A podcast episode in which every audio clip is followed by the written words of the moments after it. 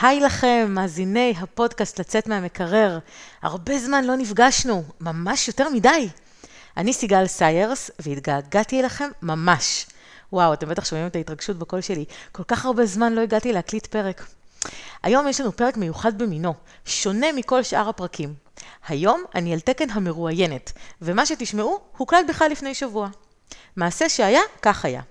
אם אתם זוכרים, בשבוע שעבר צוין יום האישה הבינלאומי, ולכבוד האירוע ההוק כה מרגש הזה, הוזמנתי להתראיין בנושא דימוי עצמי ודימוי גוף ברדיו ליפס בתוכנית הורים ילדים ומה שביניהם, בהגשת דבי טהורי, מדריכת הורים מומחית לגיל ההתבגרות, לגירושין ולפרק ב'. לשמחתי הראיון איתי רלוונטי רק לתיאור הראשון של מה שהיא עושה. בפעם הראשונה סיפרתי לה על הילדות שלי כילדה בעלת עודף משקל, שמנמונת חמודונת, על החוויות, על האתגרים, על ההתמודדויות, ועל איך שזה הוביל אותי למה שאני עושה היום.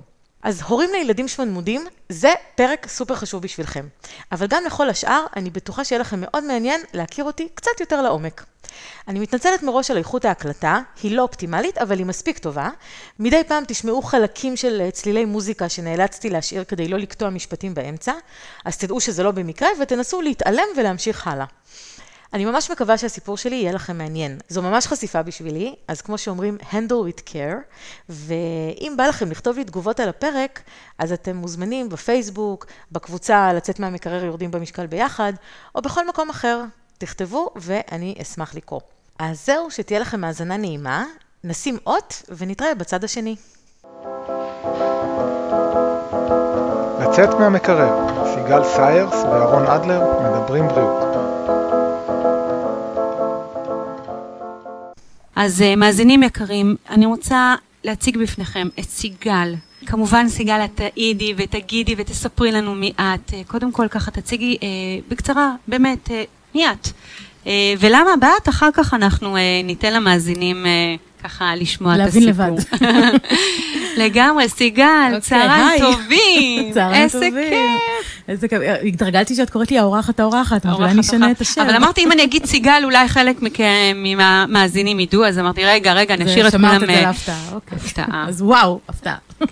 כן. לא רואים אותנו, אבל אה, לגמרי זה אפקט ההפתעה. סיגל, מה נשמע? מעולה, כיף להיות אוקיי. פה קודם כל, ותודה שהזמנת אותי. בשמחה. אני רק תנו לי לדבר.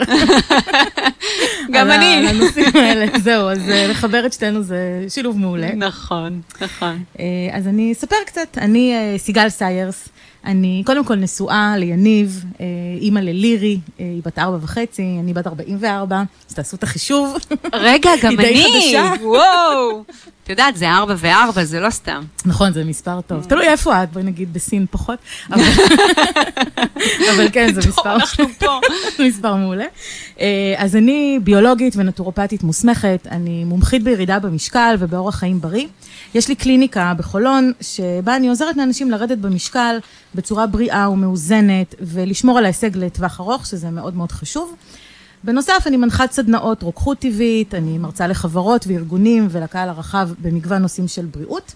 ויש לי פודקאסט, יש לי פודקאסט שנקרא לצאת מהמקרר, הוא בשיתוף אחי ירון אדלר, שהוא איש הייטק וגם אבא לשני ילדים, וביחד אנחנו מדברים על מגוון נושאים שקשורים לאורח חיים בריא, על דילמות שקשורות לנושא הבריאות שככה מטרידות את כולנו ביומיום, ואיך אנחנו פותרים אותן בצורה קלה, פשוטה ו- ונחמדה, ככה פודקאסט משעשע ורציני כאחד. אנחנו על זה. אנחנו על זה. ברור. לגמרי. אה, וזהו, זאת אני, ותכף אה, נכיר אז, לעומק. אז זהו, אז אה, אני, אה, כשאמרתי שני ציפורים במכה אחת, זה לא סתם. אה, כי בעצם את הבאת עכשיו את המקום המקצועי, כבר גילית בעצם למאזינים מיד במקום המקצועי. יחד עם זאת, הסיפור האישי שלך בעצם מחבר אותנו לנושא אה, של היום, של הדימוי העצמי, דימוי אה, גוף, ויחבר אותנו למעשה למי שאת היום, מה שאת עוסקת היום. הרי לא סתם, איך אמרת לי ככה בהפסקה, במקרה הגעתי לזה? או משהו כזה. של בחיים לא חשבתי לא שאני חי- אגיע לא, לזה. כן. זה לא היה אז, בתכנון. אז, אז הנה, מה שלא בתכנון תמיד זה כנראה יוצא הכי הייעוד, טוב הייעוד. והכי אה, מדויק. אז ספרי לנו ככה, אנחנו חוזרות אחורה בזמן. אני רוצה ככה לחזור איתך לסיפור האישי, ואיך זה מתקשר לנו ככה לדימוי גוף, אוקיי. לערך העצמי שלנו. אוקיי, אז אה, נכין את הספות, כן. נתחיל לכבה את האור. יאללה, אנחנו התחלנו בסרט. אוקיי, כשאני מנסה להיזכר וככה לחשוב על עצמי כילדה, אני תמיד הייתי ילדה חייכנית ולבבית, וגם מלאה. מה שנקרא שמנמודה. הייתי באמת, אה, ככה אם אני אראה לך תמונות שלי מאז, את תראי ילדה מקסימה ומתוקה ובאמת חמודה, אבל כן מלאה, הגלגלה. Okay. אוקיי. ו... מה, מה נהוג להגיד היום, הגלגלה מלאה? כי שמנה זה נראה לי... זה מדהים שאת שואלת. זה רע, זה, זה רע. אז תקשיבי, אז זהו, אני, דווקא פה אני רוצה קצת לנפץ אה, את הדעה הפופולרית היום, נקרא לזה. לי אין בעיה עם המילה שמנה. אין לי בעיה עם שום אה, תיאור, זאת אומרת, בוא נגיד את זה ככה, זה, זה שמנה, כאילו, בסדר, עודף משקל, אין מה לעשות, זאת המילה. אני נגד כל תרבות הפוליטיקלי קורקט, שמנסים okay. אוקיי. לייפות מילים, לכבס כל מיני אה, ביטויים. הרי בסופו של דבר, מילים זה מה שאנחנו עושים מהן, אנחנו נותנים את הפרשנות. ככה שבין אם תגידי שמנה או מאותגרת משקלית, או כל הדברים היפים שמנסים, תשמעי, זה שטויות, בסוף זה מה שאת עושה מזה. זה כמו שהרבה אנשים היום, כשאני אומרת את המילה דיאטה, אנשים אומרים לי, אני לא, לא מתחברת למילה, בדרך כלל נשים, כן? אני לא מתחברת למילה דיאטה, ויותר אורח חיים בריא, או ירידה כן. במשקל, ואני אומרת, למה? דיאטה זאת מילה מיוונית, שהמשמעות שלה זה אורח חיים. דיאטה זה אורח חיים, זה לא משנה, את יכולה להגיד healthy diet, זה גם אורח חיים בריא. אבל אני אומרת לא לתת יותר מדי חשיבות לביטוי עצמו, אלא למה שזה אומר בשבילך. פרשנות לכל אחד. פרשנות. אז כן, הייתי, אני, בכלל, אני אומרת ילדה מלאה כי לא הייתי שמנה מההתחלה. זאת אומרת, התחלתי כילדה מלאה, זאת אומרת, קצת עודף משקל. עם השנים, מן הסתם זה הלך ו- ו- ועלה. אה, אני כן יכולה להגיד, לא הייתי אף פעם אוביס, את יודעת, כמו בארצות הברית, בכל זאת זה לא, כן. לא פה, אבל כן היה, הייתי עם אה, עשרה, עשרים אחוז, אה, עשרים אה, קילו עודף בתקופות שונות בילדות, נקרא לזה. אוקיי. אה, את בעצם מחזירה אותנו לאיזה גיל, למשל? אני מחזירה, בוא נגיד, אה... יסודי, אוקיי. יסודי כזה. כזה תיכון, את יודעת, יסודי... אוקיי, נגיד עשר ומעלה כזה, זה הזיכרון... משהו אה, כזה, כן, אוקיי. כן. אה, אני חייבת לומר שביסודי זה היה יותר בולט, הנושא הזה.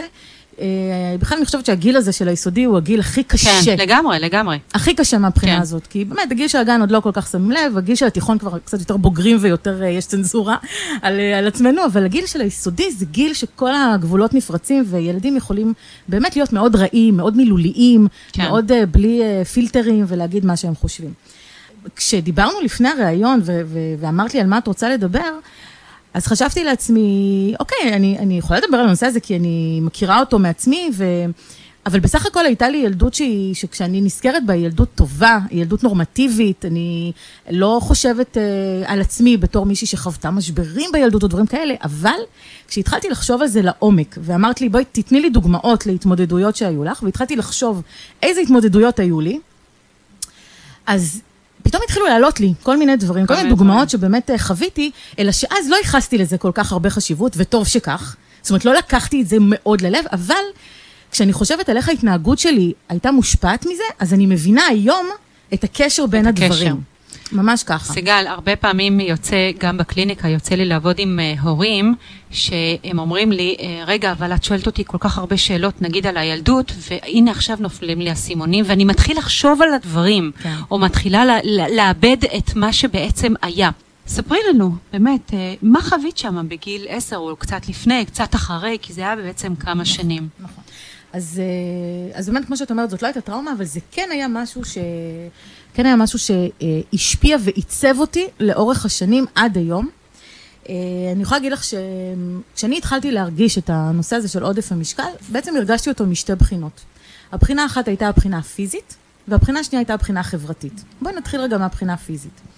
מהבחינה הפיזית, אי אפשר להתכחש לזה שעם עודף משקל יותר קשה, יותר קשה לזוז.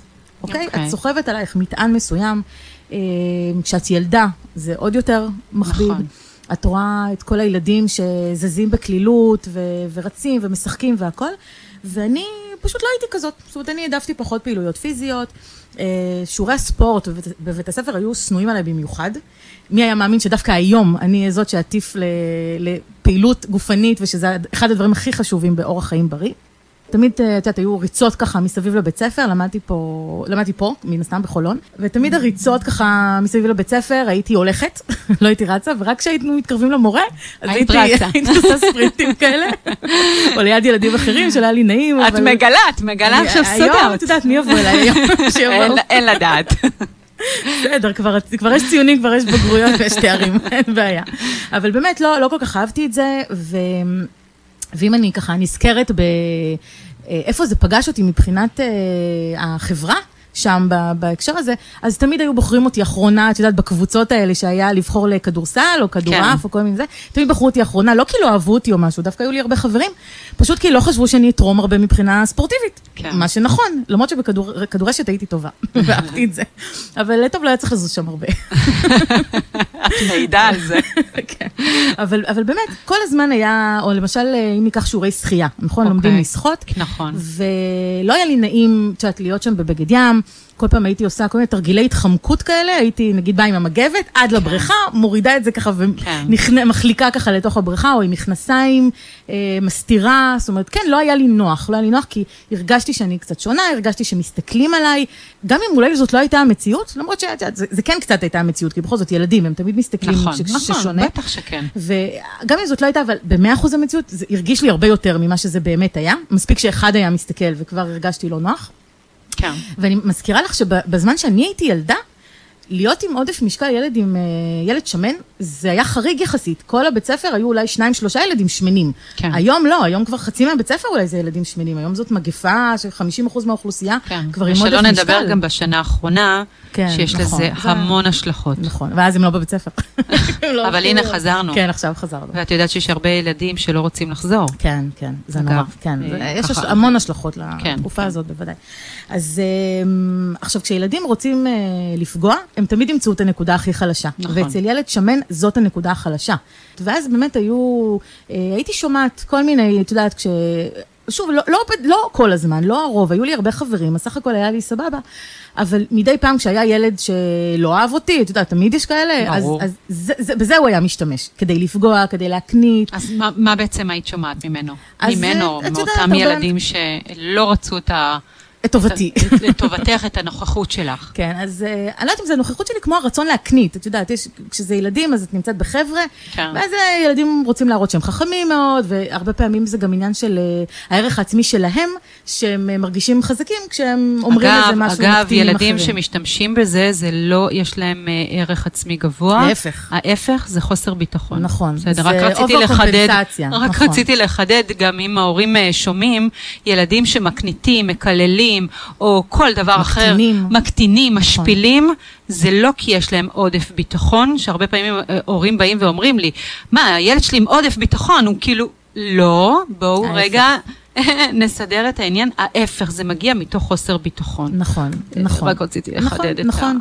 לי היה המזל שיש לי הורים, עד עכשיו, טפו טפו טפו, אה, שהבינו את זה. הבינו את זה וידעו גם בלי ללכת ל- לעזרה מקצועית, כי לא היה צריך, אבל ההורים שלי היו מספיק חכמים בשביל לדעת איך אה, לנטרל את האמירות האלה בבית, איך להגיד לי, להתייחס לזה. הם בעצמם אמרו לי, תראי, ילדים שאומרים את זה, אז הם ככה וככה, ואיך להתייחס לזה.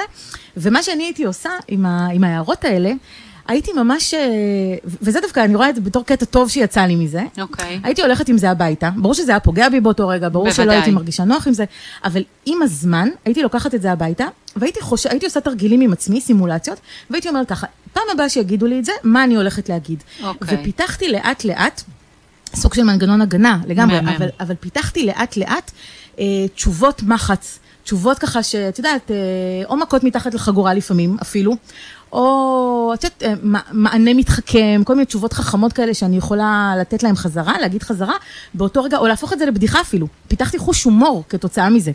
ממש אמרתי איך אני מתמודדת עם זה ברגע האמת, ובבית הייתי חושבת, אם הוא יגיד לי ככה, אני אגיד ככה, ואם הוא יענה לי ככה, אז אני אגיד ככה, וממש הייתי מתרגלת לי בראש כל מיני סיטואציות, אה, ו- ובסוף זה היה קורה. אני מאוד מאמינה בכוח של דמיון מודרך, אפילו אז שלא ידעתי מה זה. כנראה שזה מה שעשיתי. אבל כנראה שזה גם אווירה בבית. לגמרי. אוקיי, ממש זאת ככה. אומרת, את מה שקיבלת, את הכלים, סיגל, כאילו מה שאני שומעת, אני לא מכירה אותך בילדות, נכון, אוקיי? נכון. אנחנו פה זה באמת אה, גילוי נאות, אני לא נכון. מכירה את אותך. בקושי מכירה אותי עכשיו. אה, אני לא, אני לא נכון. יודעת אה, ולא מכירה את ההורים המקסימים, שנשמע נכון. שגם האווירה בבית היא הייתה אווירה מכילה, נכון. שכמה זה חשוב היום, אנחנו כהורים, להשתמש באותם כלים. לחלוטין. בבית הרגשתי באמת עטופה ומוגנת, ושוב, גם, גם באתי מבית שאוהב לאכול, ההורים שלי אוהבים לאכול, יש לי נטייה להשמנה מ- גנטית, בסדר? משני ההורים שלי, אז ככה שמראש לא היה לי שום סיכוי לא להיות עם עודף משקל כילדה. זה, אין מה לעשות, זה, זה בא משם, אז הגנטיקה והסביבה והכל, את יודעת, בסופו של דבר זה, זה, זה מה שקרה. סיגל. כן, נמשיך עם הילדות שלי. אני רוצה, כן, כי את יודעת, זה באמת מחבר אותנו. נכון. לדימוי העצמי, לילדה הזאת שאמרת, אה, אני שמנה, אה, או מלאה, או הגלגלה, אפילו באמת השתמשנו בכמה ביטויים כאלה, שהיום אני לא בטוחה ש... אה, ש... יש המון נערות שיגידו לי, לא מתאים לי שיגידו לי שמנה, או שהן שומעות את זה וזה עושה להן משהו שהוא אה, להבדיל ממה שעשה לך, את בת מבית תומך, אני רוצה בפעם הבאה לראיין את ההורים שלך. לא, זה לא מצחיק, כי... לא, את צודקת לגמרי. כי באמת יש בזה... אני לא מבינה כמה זה היה חשוב. אז היום זה זה, זה בדיוק זה, זה הבית הזה שמאפשר, שנותן. ואת יודעת מה, אני הרבה פעמים אומרת, זה לא רק ה... אנחנו אה, שמנים, רזים או גבוהים מדי, יש כל כך הרבה דברים אחרים. אני לא רוצה לפרוס עכשיו את כל הדברים האלה, אנחנו מדברים על משהו מסוים, אבל אני תמיד אומרת, לכל אחד מאיתנו יש איזשהו פגם. מה זה משנה? יש הרבה, אחד כזה, זה בסדר. אחד כזה, אנחנו, תודה לאל, אנחנו לא מושלמים. נכון. ומי שחושב ככה, אז זהו, אז אני לא ארחיב. סיגל, תחזירי אותנו בחזרה okay. אוקיי. אה, לאווירה, לבית שתמך בך. נתת לנו את הקשיים האלה גם, בכל זאת, זו חוויה לא נעימה, נכון? נכון, כאילו, לגמרי. אחרי הכל, נכון. את יודעת, עם כל התמיכה של הכל, בכל זאת זה עשה לך משהו ככה בתוך, אה, נכון. תוכך. את יודעת, את, את, זה שאת אומרת הבית והכל, אני במקרה שמעתי היום, אה, ראיתי איזה סרטון של, אה, של איזושהי דיאטנית, לא, לא משנה, ו... היא נתנה עצה ככה להורים לגבי uh, מה לעשות כשילד בא ואומר שקראו לו שמן. Okay. אוקיי. ו... והיא אמרה, אל, אל תדברו איתו על הנושא של, ה... של ההשמנה, תשאלו אותו איך הוא הרגיש, מה זה עשה לו, וזה, ואז תבואו ות... ותיתנו לו נשיקה ככה, ו... ותגידו לו, אה, אנחנו אוהבים אותך איך שאתה. כאילו, את הגוף שלך אנחנו אוהבים, אנחנו אוהבים... עכשיו, אני חשבתי על זה, ואני אומרת, אוקיי, זה נכון, כן, אנחנו אוהבים okay. כן. אותך כמו שאתה והכל. אבל אני חושבת שבאיזשהו מקום, וזה מה שעשו לי דרך אגב, אמרו לי, תמיד הרגשתי שאוהבים אותי כמו שאני, וההורים שלי עפו עליי, ובאמת כן. אה, נתנו לי את ההרגשה שאני הכי, אה, הכי טובה בעולם, והכי, באמת, אבל אני חושבת שבאיזשהו מקום, אה, התנהלות כזאת גם היא סוג של מאפשרת. זאת אומרת, אם... אה, אם, אם את באה עם גישה כזאת של uh, הכל בסדר, איך שאתה זה בסדר והכל זה בסדר, אז באיזשהו מקום אני הרגשתי לפחות, בסדר? אני לא, אני לא מתיימרת, אני לא מדריכת הורים, אבל אני הרגשתי שאוקיי, אז הכל בסדר. אז יש ילדים שאומרים לי ככה, אני לא צריכה להתייחס לזה, או שאני יכולה לענות להם, ואני יכולה להמשיך בשלי. ואני חושבת שבאיזשהו מקום כן היה נכון, וזה מה שאני עושה היום עם הבת שלי, okay. אוקיי. כן היה נכון, אולי להתנהל בצורה טיפה שונה, כדי לא לאפשר למצב הזה להמשיך מתוך, אה, מתוך איזושהי גישה של, אוקיי, זה, אבל זה בסדר. אני, מה שאני עושה היום עם הבת שלי, שאני לא הייתי רוצה שהיא תגיע למצב הזה, זאת אומרת, החזון שלי לגביה זה לא שהיא תהיה עם עודף משקל ואני אבוא ואני אגיד לה שהכל בסדר גם ככה, אלא שהיא לא תגיע לשם מלכתחילה, הבת שלי רזה, היום. ואני פשוט חושבת שהנכון הוא פשוט לעשות, אה, אה, להוות דוגמה לאיך כן נכון. זאת אומרת, הבית שלי, כמו שאמרתי, היה בית שאוהב לאכול, והיו בו תמיד דברים טעימים, והכל היה פתוח וזמין ונגיש. ואני אומרת שנורא חשוב להראות מה זה אורח חיים בריא, להראות מה אוכלים בשביל אורח חיים בריא, להראות פירות וירקות ולאכול את הדברים האלה, גם, גם אולי ממתקים ודברים כאלה, אבל פחות, זאת אומרת, לתת להם את המקום כן. הפרופורציונלי באורח החיים, לעשות פעילות גופנית, להראות... זה ל... משהו שהיה גם בילדות שלך? לא, זה מה שאני אומרת, 아, זה בדיוק אוקיי. מה שאני זה אומרת. אומר, זה אומר שבעצם את משליכה את, ה, את התיקון הזה בדיוק, היום בבית שלך. בדיוק, בדיוק, אוקיי. זה, זה ממש אה, בדיוק ההגדרה, כי אני אומרת, זה, זה נכון שזה טוב לתת לילד את התחושה שבבית מקבלים אותו כמו שהוא, אבל אני כן חושבת שבאיזשהו מקום התפקיד שלנו כהורים, זה גם לבוא ולהסתכל קצת קדימה. כן. ולהגיד מה הילד הזה הולך לעבור עוד בחיים, כי בואי נשים את הדברים על השולחן.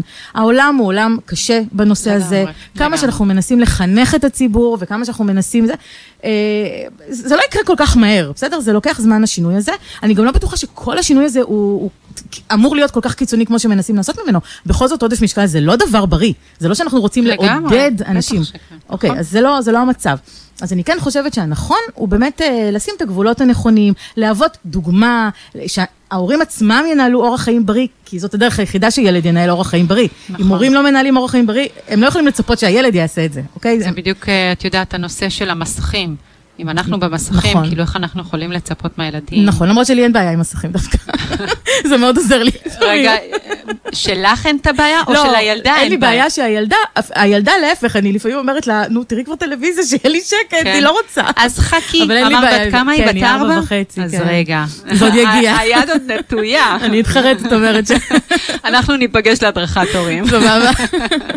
אז אני אומרת שבאמת הנושא הזה, זה טוב לקבל ולהכיל, ושוב, עד גבול מסוים, וכן לתת אה, את הדוגמה לאיך איך כן לשפר בכל זאת, אה, לעזור לילד לשפר אה, את המשך החיים שלו, כי כן. הבעיה הזאת רק תלך ותגדל. בסדר? כן. זה לא נשאר תמיד קטן, זה הולך ונהיה יותר, יש לזה המון השלכות היום. עכשיו, בסדר, אנחנו אולי ניגע בזה אחר כך. כן. זה לא נושא. אבל אצלי באמת, אה, אמרתי שגם מהבחינה החברתית היה לזה, הייתה לזה איזו השלכה, ואם אני חושבת אחורה, אז אני כן יכולה להגיד לך שהיו פעמים שלא הלכתי לאיזשהו אירוע חברתי, לאיזושהי מסיבה או משהו, כי... זה לא שהרגשתי אה, שהסתכלו עליי או משהו כזה, אבל לא מצאתי בגד שהרגשתי בו יפה נוח. מספיק, או, נוח, אוקיי. או נוח, כן. לא הרגשתי שאני יכולה להביא את כל ה... היופי שלי שהרגשתי שיש לי ב... בסיטואציה הזאת. זאת אומרת, כן. כן, הרגשתי זאת אומרת לא... שגם מנעת מעצמך אירועים מסוימים, כן. מפגשים מסוימים, כן, שזה זה בעצם קרה. המקום החברתי שאת מדברת נכון, עליו. זה קרה. זה אוקיי. קרה. היום זה כבר לא קורה, דרך אגב, אבל אוקיי. זה כן קרה כשהייתי ילדה. אבל אנחנו, זה, זה בדיוק המקום שאנחנו ככה חוזרות אחורה, נכון. כדי להבין את ההשלכה של מה קדימה, כי עשית גם איזושהי עבודה. נכון. זה עבודה עצמית, מן הסתם, אה, וזה מאוד מאוד חשוב אה, לעשות את העבודה הזאת. גם אז, נכון שזה בית תומך, וזה באמת נשמע ככה. אה, יחד עם זאת, גם אי אפשר להתעלם לגמרי ממה שיש, או ממה שחווית. נכון. אוקיי? זאת אומרת, נכון. אי אפשר לטאטא את זה ולהגיד... לא, לא, ממש לא, אה, וגם לא צריך. אוקיי. גם לא צריך זה, אני חושבת שזה מאוד טוב להציף את זה, כן. גם, גם כדי שאנשים אחרים יראו ש... היו לך שיחות עם ההורים, למשל, על הדבר הזה? זאת אומרת, זה אמ, משהו ש... שהעלית את זה מולם? לא, אוקיי. לא העליתי את זה אף פעם, שוב, כי הנושא הזה אף פעם לא היה מוסתר, זאת אומרת, זה לא משהו שהיה צריך להעלות אותו במיוחד, זה לא שזה היה איזה סוד, כל המשפחה הייתה, את יודעת, כן, אה, אבל נגיד שאותם... זו מילה חדשה, רגע, נכון. עוד לא השתמשנו בה לא, היום. זאת לא המצאה שלי, אבל אה, את יודעת, כאילו, בסדר, אנחנו הכרנו את הנושא. את אמרת שבעצם לא הלכת לאירועים מסוימים. לפעמים, לפעמים, לא תמיד. אוקיי, נניח אירועים מסוימים, כן. כאילו זה משהו ששיתפת את ההורים, למה את לא הולכת? אה, זאת אומרת שהיה איזשהו אישו סביב הדבר, או ש... האמת שאני לא, הימנעות? אני לא חושבת, לא, לא אוקיי. חושבת ששיתפתי, הייתי אומרת בדרך כלל שאו שלא הייתי בכלל מדברת על זה שיש, שיש כזה אירוע, פשוט אה, הייתי נותנת לו לעבור, תלוי בגיל כמובן, כן? כן.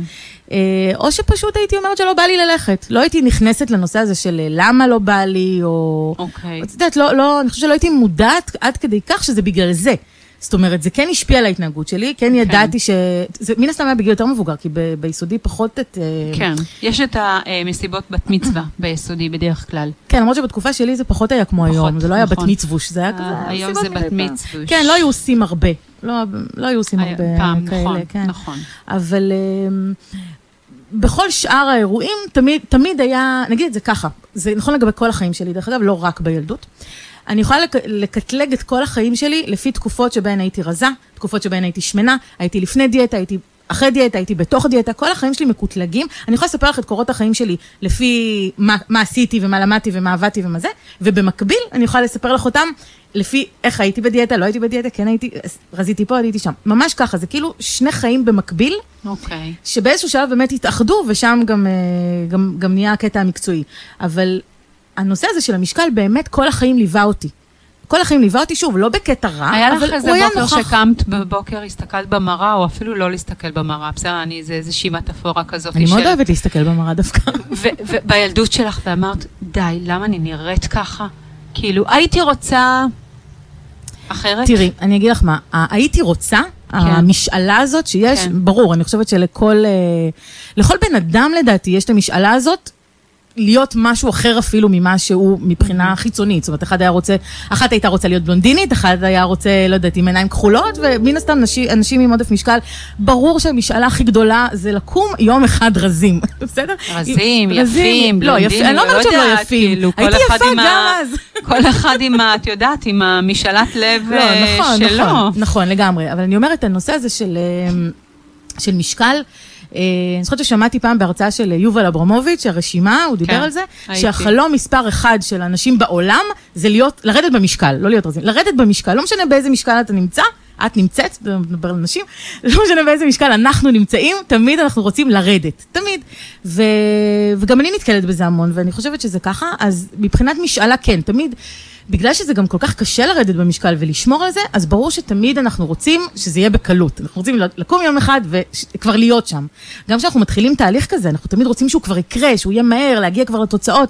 אין לנו סבלנות לחכות. נכון. אז כן, כל החיים, ברור שתמיד יש את המשאלה הזאת, אבל אני חושבת שגם אה, לצד המשאלה, יש את ההבנה שזה לא יכול לקרות. זאת אומרת, יש דברים שצריך לעבוד בשבילם וששווה לעבוד בשבילם. כן. אוקיי? בדיוק כן. כמו שאנחנו עובדים בשביל כל דבר אחר בחיים. אנחנו לומדים כמה שנים לתואר, אנחנו מכשירים את עצמנו בקורסים ובהשתלמויות לעבודה, אנחנו מתקדמים בקריירה לאט לאט, אנחנו מתחילים במקום עבודה, לא מצפים שמחר נהיה מנכ"ל, כאילו אנחנו עובדים בשביל דברים איך, בחיים. איך את אומרת? אני חושבת שזה באמת יכול להשליך למילה כזה של תהליך. נכון, זה באמת באמת תהליך. זה תהליך ומאמץ. אה, ומאמץ, וואה. כן. כן. כ- כאישה זה שגם. חוותה את ההריונות ומה זה נכון. לרדת וכאלה, את יודעת, אנחנו לפעמים מרגישות כמו אקורדיון כזה. נכון. איך אפשר שלא להתאהב? טוב, קודם כל, כמובן, אנחנו מתאהבים אה, בעצמנו, אה, נתאהב בעצמנו, ואז נוכל אני להתאהב. כבר מאוהבת. את מאוהבת. אני לא אשאל במי. בי, בעצמי. אה, אוקיי, הנה. אז, אז, אז הנה, זה כבר, אה, וואו, איזו מתנה. נכון. אה, אני חושבת שזה בהחלט אה, אחת המתנות הכי טובות שאנחנו יכולות אה, לתת לעצמנו, נכון. אה, או כל אדם, זה להתאהב בעצמו. אה, כמה שזה נשמע, מה, את- לא, לא, זה, זה זה, לא, זה, זה- לגמרי אה, במקום של אה, לאהוב את עצמנו. אה, אני אומרת שאנחנו, זה האדם הכי חשוב לעצמנו. יותר מהילדים שלנו, יותר מהבני זוג שלנו. בסופו של דבר, אם אנחנו לא נאהב את עצמנו, אם אנחנו לא נעשה את מה שהכי טוב לעצמנו, אף אחד אחר לא יעשה את זה בשבילנו. כדי שאנחנו נוכל להיות שם בשבילם, בשביל האנשים שאנחנו אוהבים, אנחנו צריכים קודם כל לאהוב את עצמנו, ובאמת, ולעשות את מה שטוב לנו. נכון, אז אני מאוד מתחברת לתוך האהבה הזאת. תאהבי את עצמך, ת, הם, הם מסתכלים, הילדים, אנחנו איזשהו נכון. סוג של modeling. אה, אז, אה, אז ה modeling הזה שברגע שאנחנו אוהבים את עצמנו, אגב, גברים ונשים, כן, זה באמת, אני מדברת. בלשון נקבה, אה, ואני אומרת הרבה פעמים מתוך נוחות וכאלה, אבל לגמרי זה מיועד גם לגברים. את היום בת 44, ואת הבאת לכאן משהו שאני אני רוצה להקדיש לזה קצת זמן, כי אה, לא בכדי ככה, באמת זה שתי ציפורים במכה אחת, שהבאת את הסיפור של, ש, שהיית אה, שמנמנה, גלגלה, ותקראי לזה אה, עודף משקל או כל דבר אחר. מה צמח משם? את יודעת, יש הרבה היום, הרבה אנשים היום שאומרים אה, שהעבודה שלהם זה הייעוד שלהם, זה השליחות שלהם, זה כבר הפך להיות אפילו מילה כזאת, מילים שמשתמשים בהם יותר מדי, והם כבר אה, אה, הפכו להיות מין קלישאות כאלה, אז אני לא רוצה להגיד את זה עוד פעם, אבל אני לא, אבל חושבת... זה לא קלישאה, כי זה שלך. זה ואני שלי, מאמינה, נכון. מאמינה, כי אני אומרת את זה גם. ואם אני אומרת את זה, אני מבחינתי... את מתכוונת לזה. אני זה מה זה נכון, מתכוון, זה לא מעניין את אותי בכלל מה חושבים על נכון, הקלישאה הזאת. נכון. אז תגידי את זה, כי זה באמת את שם. אני שם. עכשיו, איך הגעתי לשם? לא תכננתי אף פעם להיות שם. אה, זה מצחיק, כי כל החיים התעסקתי עם דיאטות, כל החיים התעסקתי עם תזונה, תמיד למדתי. הרי אני באה בכלל מעולם המדע והמחקר. אני למדתי במגמה ביולוגית פה בקוגל, בתיכון, ואחרי הצבא מיד המשכתי לתואר ראשון בביולוגיה, ואז לתואר שני בביולוגיה, ועשיתי גם תואר שני במנהל עסקים, זה כבר היה אחרי זה, ועבדתי בחברות ביוטכנולוגיה וחברות תרופות. אמ, עבדתי בחברות קוסמטיקה, הייתי מנהלת אה, שיווק של כל מיני מותגים שכולנו מכירים, כמו וישי, לראש פוזה, וואו. שאני השקתי אותו בארץ, אה, דוקטור אור, ביודרמה, באמת, כל מיני מותגים כאלה עבדתי עליהם, והייתי מאוד מאוד מחוברת לנושא הזה של המדע והמחקר והטיפולים, התרופות, כל הנושא הזה. ואז, ב... ובמקביל, הדיאטות כמובן כל הזמן היו ככה ברמה האישית. ובאיזשהו שלב בחיים שלי נחשפתי לעולם הנטורופתיה, ממש ממש במקרה, אה, הייתי באיזה סדנה, ואז מישהי שעבדה איתי התחילה ללמוד את זה. ופתאום אמרתי, רגע, יש פה איזושהי נקודת השקה בין כל הרקע הביולוגי, המדע, מה ש... כל מה שאני יודעת, ובין מה שלומדים שם, בנטורופתיה, בעולם הזה. אוקיי. וככה התחלתי לדבר עם אנשים שקשורים לזה, ואמרתי, יש פה משהו מעניין, יש פה איזשהו חיבור בין המדע לבין אה, עקרונות של, אה, של רפואה טבעית, של תזונה טבעית. אה, זאת גם נקודת החיבור שלי, הנושא של התזונה, התזונה הטבעית. זה בעיקר מה שאני מתעסקת איתו אוקיי. בתחום הזה. ו... ואז אמרתי, טוב, זה מעניין אותי, אני אלך ללמוד את זה. עכשיו, אני לא... כל דבר שאני עושה, אני עושה אותו עד הסוף. זה אין אצלי תחביב, כל דבר זה רציני. ופשוט הלכתי ולמדתי במכללת רידמן בתל אביב. אחרי שלושה תארים באוניברסיטה עברתי למכללה, זה היה מצחיק. טוב, תקשיבי, כאילו. זה היה, כן. ולמדתי ארבע שנים נטורופתיה. וואו. כן, אה, התמחיתי בתחום הזה של תזונה טבעית, של ייעוץ לאורח חיים בריא, גם בתחום של הארומתרפיה, שזה כל הנושא של שמנים מטרים ורוקחות טבעית ודברים כאלה. ועדיין לא חשבתי ש, שזה יהיה מקצוע, הלכתי ללמוד את זה סתם בשביל הכיף, עבדתי באותה תקופה באוניברסיטת תל אביב, זה היה ככה בדיוק מעבר לכביש, אז היה לי גם נוח לעשות את זה. ואז שנתיים לתוך הלימודים, אה, הייתה איזו מרצה שאמרה, אם אתם חושבים להתחיל לעסוק בזה רק בסוף הלימודים, אתם טועים, כל מה שאתם לומדים כבר ומסיימים, תתחילו לעשות. וזה סוג של אתגר אותי, אמרתי, וואלה, בואו נתחיל לעשות עם זה משהו. ואז באמת התחלתי ככה ליישם את הכלים ש, שלמדתי שם, אה, שזה היה בהתחלה כל הדמיון מודרך, ו-NLP, וארומתרפיה, וכל מיני דברים, ו- ותזונה כמובן, שזה תמיד הבסיס. ופתחתי קליניקה בבית, בדיוק, אה, דרך, אה, דרך אגב, אני חייבת להגיד, שזה אולי החלק היותר חשוב, שכשהתחלתי ללמוד, אז התחלתי את הלימודים בעודף משקל. אוקיי. וככה, ברגע שהתחלתי, עברתי כבר כמה קורסים של תזונה נכונה. זה לא שלא ידעתי מה זה תזונה נכונה, כי כל החיים התעניינתי בזה, והייתי קוראת המון, וידעתי, אבל ברגע שנחשפתי לזה ב, מהפן הטבעי של העניינים, כמה זה חשוב, תמיד, את יודעת, הייתי עושה דיאטות עם אה, אה, משקאות דיאט, וממתיקים מלאכותיים, ולחם קל, וכל מה שהיום נותנים, הרבה פעמים דיאטניות, או אה, מהרפואה הקלינית יותר כן. נותנים את זה. ושם הכרתי פתאום אפשרויות אחרות. אמרתי, רגע, לא צריך את כל האוכל המתועש והמעובד הזה, ואפשר ממש לחיות אורח חיים בריא עם אוכל טבעי, ומה האפשרויות האלה. והתחלתי ליישם על עצמי את כל הכלים שלמדתי, ופתאום, תקשיבי, תוך שלושה חודשים, המשקל פשוט נשר ממני. פשוט וואו, ירד. וואו. ואז הכרתי את בעלי, אפשר את המתכון? ברור. כאילו, מה זאת אומרת? זה מה שאני עושה. תעבירי לי את כן. המתכון בסוף למה, את השידור. רוצה להכיר את בעלי? לא, אני רוצה את המתכון של לרדת, איך אמרת, ישנת את ברור, ה... אז בואי, בואי להכיר אבל אני את אכיר. גם את בעלך. בכיף. אה, אז, באמת ירדתי והכרתי את בעלי, ואז התחתנו, ונולדה לנו ילדה, ובמקביל גם סיימתי את הלימודים, ופתאום נכנסתי לתקופה קצת יותר קשה, כי את יודעת איך זה, גם לימודים, גם ילדה, גם זה הכל פתאום. אה? כן. ואחרי הלידה התחלתי עוד פעם לעלות במשקל, זאת אומרת, אוקיי. התחל- דווקא בהיריון לא עליתי הרבה, אבל אחרי, אחרי זה זה היה פתאום תקופה של סטרס באמת, ו... ואז התחלתי לעלות עוד פעם במשקל, ומאז באמת היה לי קשה יותר לחזור חזרה למה שידעתי שעובד, פשוט היה לי קשה עם זה. בכל זאת, למרות המצב שלי, עדיין הקליניקה המשיכה לפעול, ועזרתי לאנשים אחרים לרדת במשקל. וואו. ואת יודעת, תמיד, כאילו חשבתי לעצמי, אם זה לא, מה הם חושבים על זה שאני בעצמי בעודף משקל, אומנם לא מטורף, כן, אבל עדיין הייתי קצת בעודף משקל, ואני, ואני עוזרת להם, ואני מטפלת בירידה במשקל, ואני עוזרת להם לרדת, אבל האמת היא שאף אחד לא שאל אותי על זה. להם זה לא הפריע כמו שלי, אולי זה הפריע. ובסוף אומרים, הסנדלרית הולכת יחפה, נכון? כן, ברור. ואז מה קרה? אז הגיעה הקורונה. בוא נלך שנה אחורה. נלך שנ, שנה אחורה, כן, כי זה נכון. בדיוק שנה. לפני שנה, בדיוק. ואז מה שקרה זה שחודשיים לתוך הקורונה התחילו להגיע אה, תוצאות של מחקרים שהראו עד כמה הקורונה מסוכנת לאנשים שמנים. עד כמה אנשים עם עודף משקל, יש להם אה, סיבוכים יותר חמורים כתוצאה מהקורונה. וזה מאוד טלטל אותי.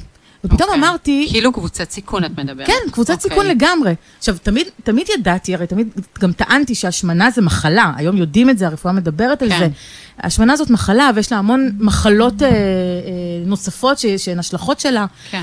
אבל פתאום זה היה מאוד, אה, את יודעת, פתאום, זה תמיד היה כרוני כזה, ופתאום זה הפך להיות אקוטי, פתאום זה היה קשור לקורונה, ו, ואת לא יכולה לדעת, הרי אולי פתאום תידבקי, כאילו, אי אפשר לדעת, זה יכול לקרות.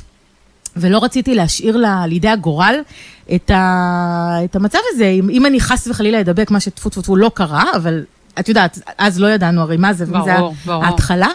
ולא רציתי, אמרתי, אם אני במקרה חס וחלילה אדבק, ואני עם עודף משקל, אז מה יקרה? ובית חולים, ואשפוזים, ויש לי ילדה, ואני נשואה, ו... לא, את יודעת, התחלתי לראות uh, שחור. אמרתי, טוב, זהו, אני הופכת להיות המטופלת של עצמי, אני יושבת ואת כל מה שאני מצליחה לעשות עם המטופלים שלי, אין שום סיבה לעצמך. שאני לא אעשה לעצמי. וישבתי ובניתי לי את השיטה שמתאימה לי, לפי הצרכים שלי, לפי ה, אה, ה, ה, התקופה גם, את יודעת, אני פתאום נכנסתי לזה בקורונה, שאת כל הזמן בבית, והילדה הילדה בבית, כי יש סגר, ובעלי בבית, כל הזמן, כאילו, לחץ, סיר לחץ, ואת יודעת, אין פעילות גופנית כמעט, כי אי אפשר, הכל סגרו, נכון, מכוני כושר והכל. נכון. הכל הייתי צריכה לבנות בצורה שהיא הרבה יותר uh, מאתגרת ממה שהיה עד עכשיו.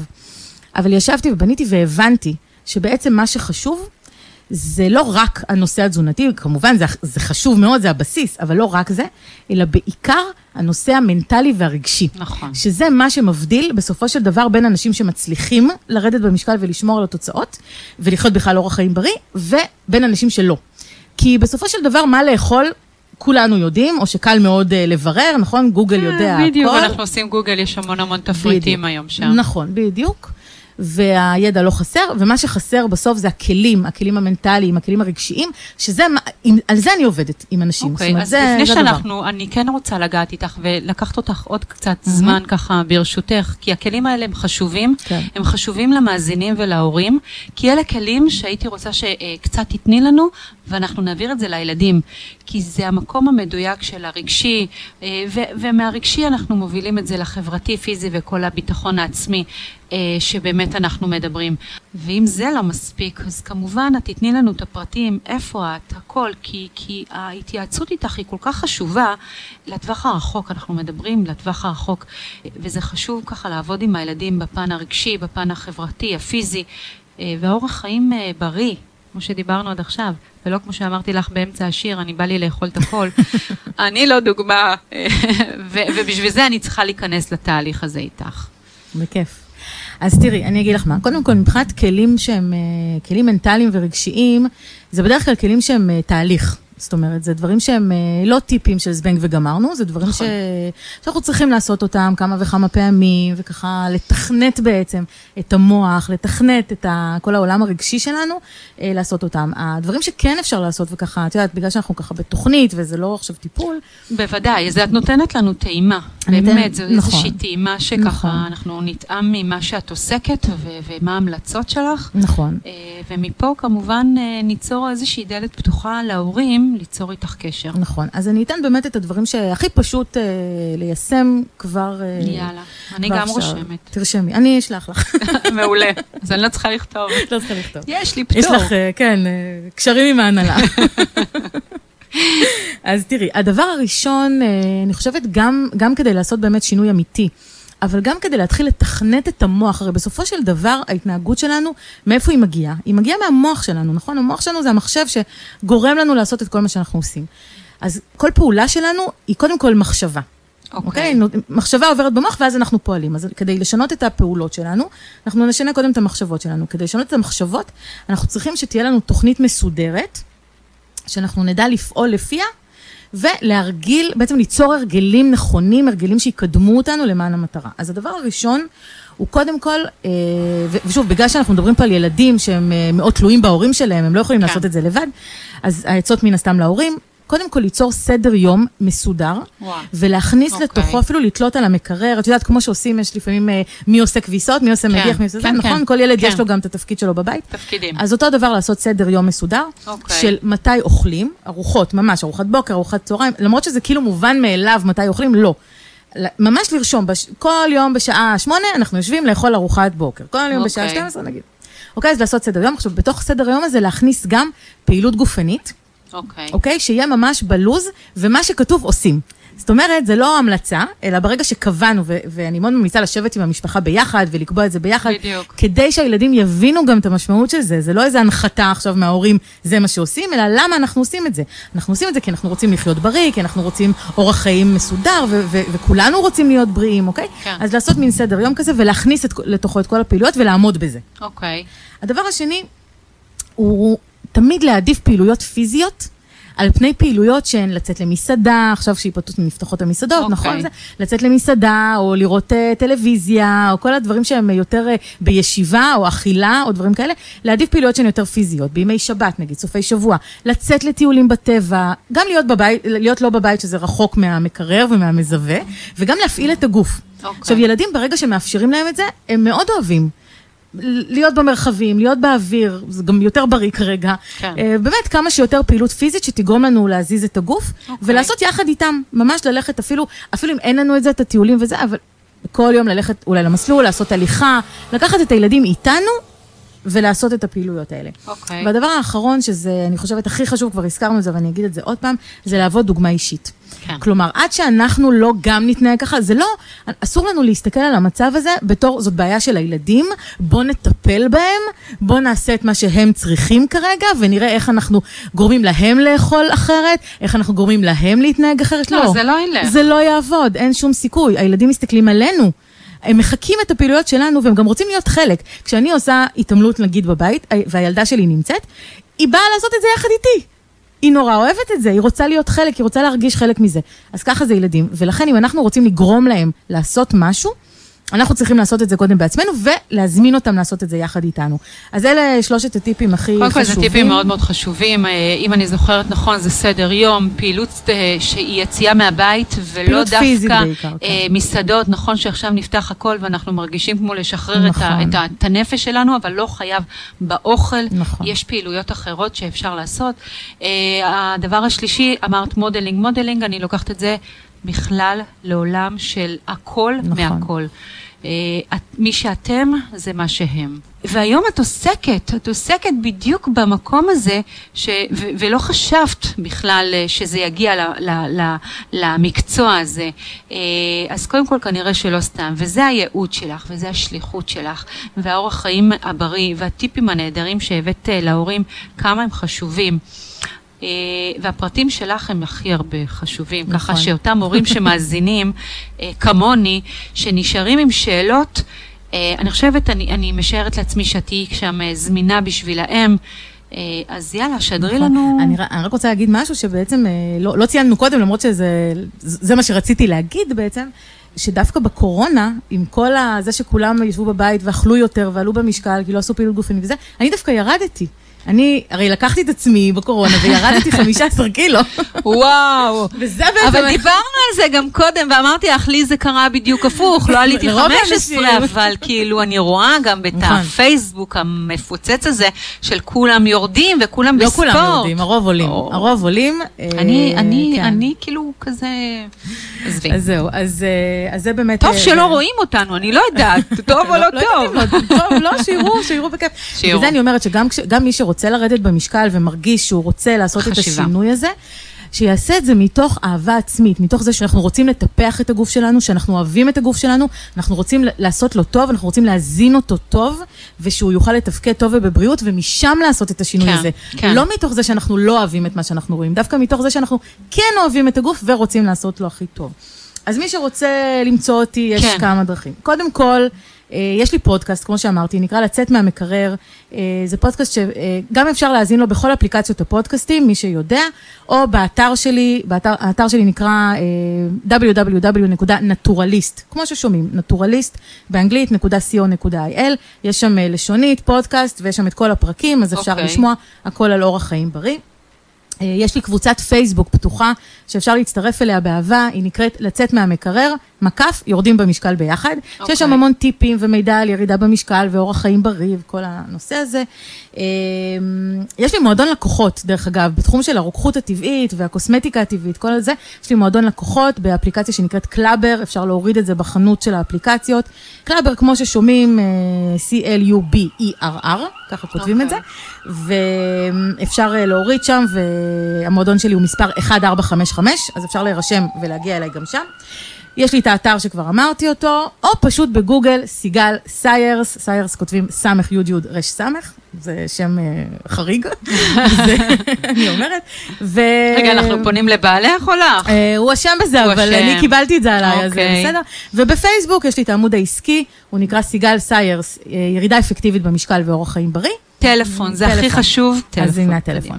קדימה. 052 5285 250 מעולה. באהבה. מעולה. סיגל, הבאת מעצמך את הסיפור האישי, את הסיפור המקצועי. אה, הרבה ערך, הרבה טיפים. אני מאמינה שיש עוד הרבה. המון. אה, אני משערת לעצמי שעוד ניפגש בתוכניות ככה קדימה, שבאמת תביא עוד קצת, כי אי אפשר לגעת הכל נכון. בזמן הקצר הזה. תודה רבה שהערכת. אותי. היה לי. ממש כיף, ובאמת, שיחה סופר מעניינת. נכון, תודה נכון. רבה. אז אה, תודה רבה. עד פה הראיון שלי עם דבי, ואם התחברתם אליה ויש לכם עוד שאלות לגבי הדרך להתמודד עם הילדים, אז יש לכם את כל הדרכים למצוא אותה בתיאור של הפרק. אני מקווה שאני אספיק להקליט עוד פרק לפני פסח, אבל אם לא, אז אני כבר אאחל לכם חג שמח. יאללה ביי. אין באמור בפרק משום ייעוץ או המלצה רפואית כלשהם, והמידע אינו בא להחליף בדיקה וייעוץ אישי על ידי רופא, מטפל מוסמך או טיפול תרופתי.